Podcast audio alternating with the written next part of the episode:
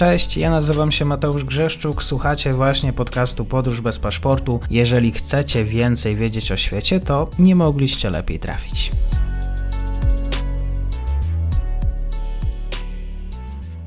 Dzień dobry Państwu, dzień dobry wszystkim słuchaczom. Dzisiaj jesteśmy na Bliskim Wschodzie. Za mną jest Jan Wysocki z redakcji Mówiąc Wprost. Dzień dobry, bardzo mi miło. Dzień dobry, witam wszystkich i witam ponownie. Strefa gazy, kolejne wystrzelone rakiety w kierunku Izraela. E, oczywiście Izrael odpowiada nalotami. E, dlaczego e, Palestyńczycy i Izraelczycy, dlaczego kolejne napięcia pomiędzy oba narodami? Tak, jeśli chodzi o ostrzał ze strefy gazy, to o ile tak można w ogóle powiedzieć, był on dosyć marginalny, nie był on bardzo duży w stosunku do tego, co znaliśmy zeszłego roku, ale to, czego jesteśmy świadkami, jest jakby kolejną y, procesem eskalacji, który ma miejsce już właśnie nie od tego miesiąca, tylko powiedzmy od kilkunastu miesięcy. Y, głównie zaczęła się od tego, że 26 stycznia, czyli to jest y, w czwartek, w okolicy Dżeninu, to jest miasto na północy zachodniego brzegu, armia izraelska dokonała jakby ataku prewencyjnego, jeśli tak można powiedzieć, na przedstawicieli palestyńskiego dżihadu którzy mieli planować y, zamach terrorystyczny w Izraelu.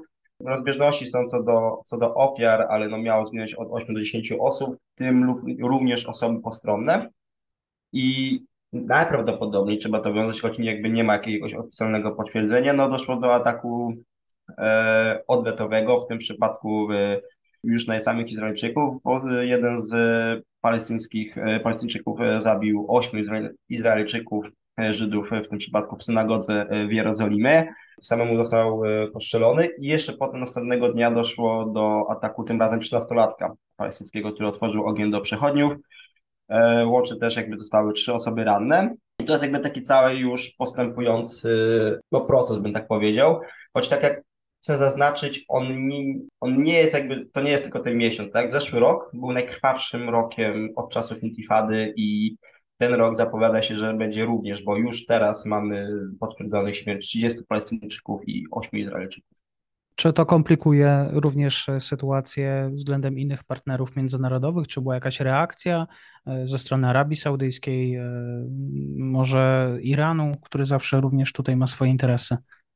Co do komplikacji, znaczy na pewno skomplikował e, to nowy rząd, który jakby w takim odczuciu jest on rzeczywiście już aż za bardzo y, prawicowy, choć tak jak chcę podkreślić, jakby ta eskalacja w Palestynie i ta niemożność wyjścia z kryzysu, bo tu mamy nałożył się wiele kwestii również ekonomicznych, y, ale też jakby po prostu y, porażka procesu pokojowego, który tam teoretycznie postępuje od 90., a tak naprawdę no nie postępuje.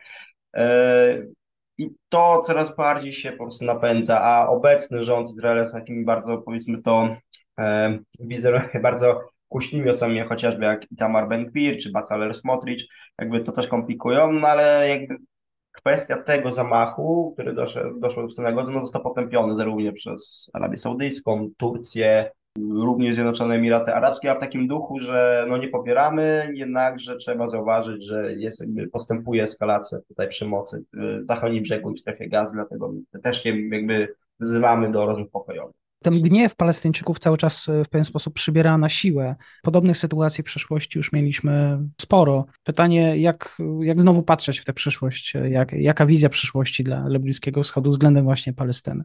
Znaczy, no ja poglądam na to bardzo, powiedziałbym, negatywnie. Jakby nie widzę w tym momencie jakiejś opcji rozwoju. Tak? Jakby wynika to z tego, że rząd izraelski, głównie tutaj zdominowany przez partię Likud, ale jakby i też przez ich, jego sojuszników. Więcej kart przetargowych, jak się tak można powiedzieć, stoi po stronie Izraela, a Izrael jakby no nie, nie zamierza wycofać się ze swojej polityki, tak? Cały czas jest jakby narracja z lat 90., że ten proces pokojowy był tak naprawdę zły, szkodliwy i on się nie powiódł. Jeśli ktoś, może tak powiem, wystawić tutaj pierwszy gałązkę oliwną, musiałby być to Izrael, a ja tego nie widzę, a wciąż tak naprawdę postępuje radykalizacja, co jest no nie chcę tutaj być jakby obrońcą, ale jest to jakby zrozumiałe, gdyż no, tak jak powiedziałem, wcześniejsze e, problemy gospodarcze, które są bardzo złe, zwłaszcza po COVID-zie, e, brak prawie jakichkolwiek perspektyw, tak jakby chociaż sam przykład, że od czasu porozumienia w Oslo zwiększyła się sześciokrotnie liczba osiedli, e, ludzi mieszkających w osiedlach budowany przez Izrael ze 100 tysięcy do ponad 600.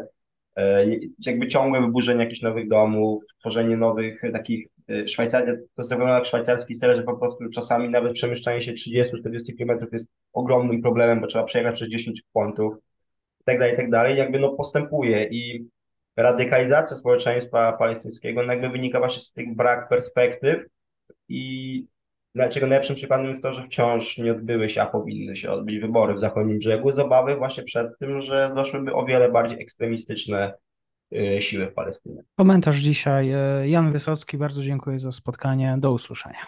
Ja również bardzo dziękuję i do usłyszenia.